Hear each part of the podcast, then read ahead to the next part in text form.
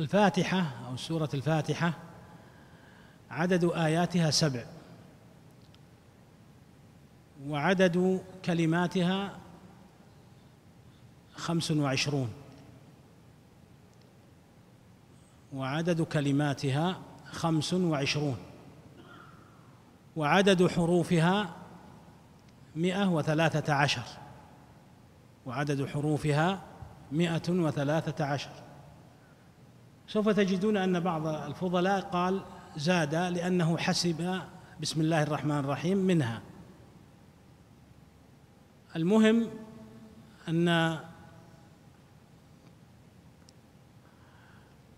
عدد آيات السورة سبع عدد الكلمات فيها خمس وعشرون عدد الحروف مئة وثلاثة عشر عدد الحروف مئة وثلاثة عشر. الحمد لله رب العالمين.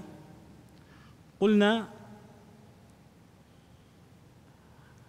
الحمد الحمد ها هنا وصف المحمود بالكمال مع المحبة والتعظيم. والله جل وعلا له الكمال الذاتي والكمال الفعلي والكمال الوصفي. الحمد وصف المحمود بالكمال مع المحبة والتعظيم. والله جل وعلا له الكمال الذاتي والوصفي والفعلي. فذاته جل وعلا لا تشبه الذوات وهي ذات كاملة له الكمال المطلق سبحانه وتعالى. وأسماؤه وصفاته أيضا كاملة وأفعاله كاملة جل وعلا.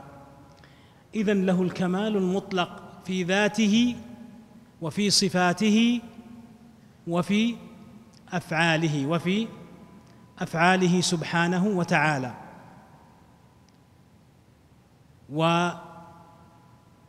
وقلنا أنه لا بد من المحبة والتعظيم للمحمود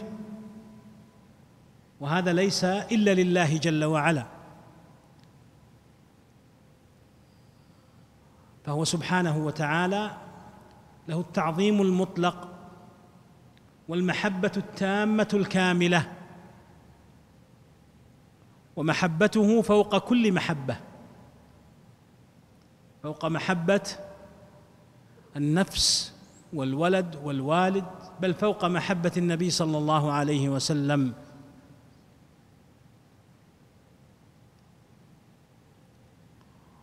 والمحبة عبادة والتعظيم عبادة أيضا. والتعظيم عبادة.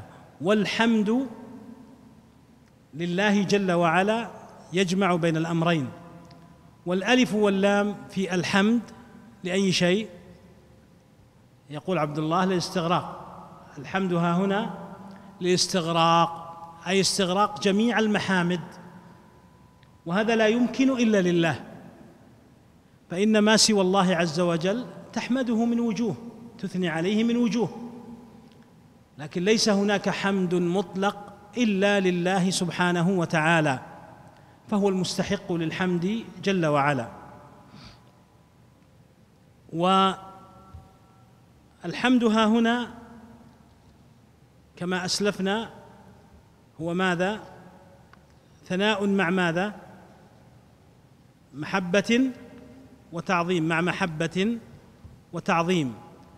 قال الحمد لله. اللام للاختصاص. لله اللام للاختصاص. وقيل للاختصاص والاستحقاق. وقيل للاختصاص والاستحقاق. وكما أسلفنا الله علم على الذات الإلهية اسم ربنا جل وعلا.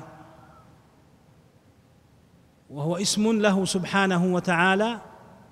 تتبعه جميع أسمائه وصفاته تتبعه جميع أسمائه وصفاته. وقد جاء في آيات كثيرة. كما قال جل وعلا هو الله الذي لا إله إلا هو عالم الغيب والشهادة هو الرحمن الرحيم.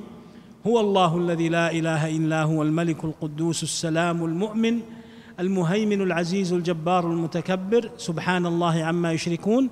هو الله الخالق البارئ المصور له الأسماء الحسنى يسبح له ما في السماوات والأرض وهو العزيز الحكيم. فهذه هذا الاسم وهو اسم الله اسم معظم وتتبعه سائر أسمائه وصفاته سبحانه وتعالى. وهو ومعناه أي المألوه المعبود سبحانه وتعالى.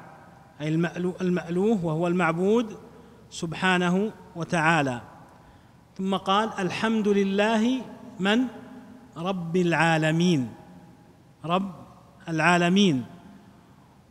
والرب هو من اجتمع فيه ثلاث صفات.